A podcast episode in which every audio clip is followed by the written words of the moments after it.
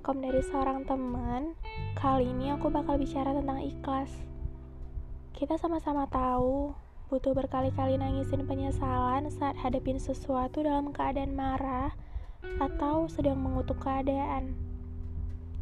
Um, tentang ikhlas, kita butuh tahu kalau memaafkan gak seburuk yang pernah kita bayangkan.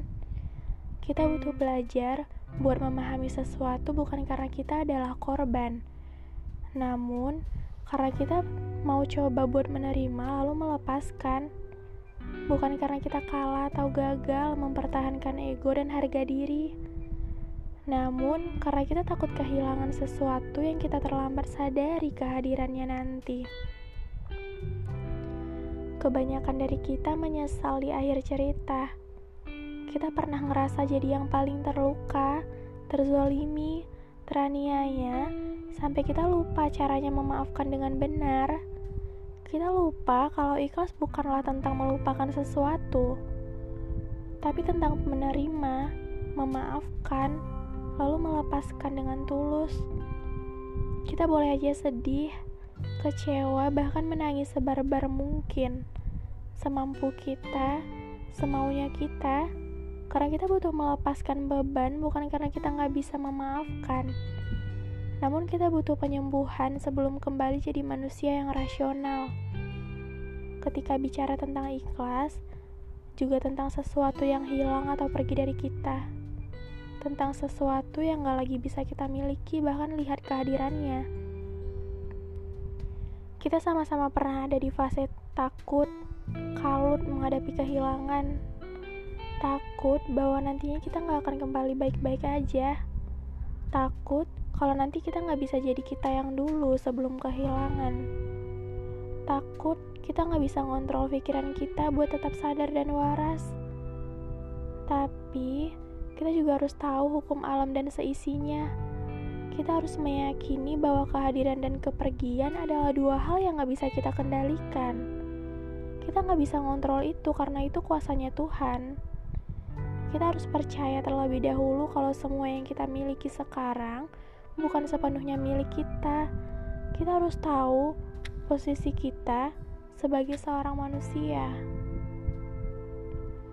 Ya, kita harus tahu posisi kita sebagai titipan dan sifatnya serba sementara. Bahkan kita sendiri juga bisa hilang.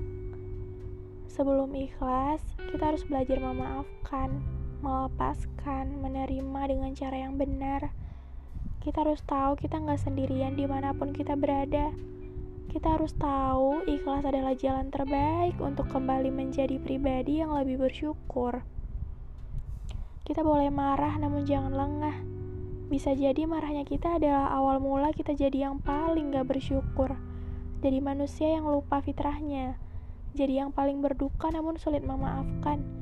Jadi yang paling sendirian di keramaian jadi yang paling hebat menilai sekeliling hanya karena kita jatuh bahkan hancur karena suatu hal. Sesulit kita menerima, ada banyak hal yang bisa jadi alasan buat terus memaafkan, yakni melepaskan. Karena kita nggak mau sedih dan kecewa itu terus ada. Kita nggak mau dikendaliin sama pikiran buruk yang nantinya jadi bumerang buat kita. Mulai sekarang, jangan lagi pakai prinsip kita akan baik sama orang yang juga baik memperlakukan kita dengan baik, namun akan lebih jahat sama orang yang memperlakukan kita dengan buruk. Jangan, karena ketika kita bisa jadi baik untuk semua tipe manusia, kenapa kita milih buat jadi paling jahat dan pendendam? Ketika kita bisa jadi yang paling mudah memaafkan, kenapa kita milih buat mendam kesakitan yang sama sekali nggak ada dampak baik buat kita? Logikanya, apakah kita harus banget membalas sesuatu dengan takaran si pemberi sesuai dengan yang kita terima? Bukannya kita bisa milih buat ngasih lebih di saat ada anak kecil yang ngasih kita satu tangkai permen. Gak ada pembenaran dari kejahatan harus dibalas lebih jahat. Di saat kita bisa jadi orang yang paling mudah memaafkan, di situ kita berhasil jadi manusia yang paling beruntung karena bersyukur dan mengikhlaskan. Sejauh ini semoga kalian tetap bahagia. Dah.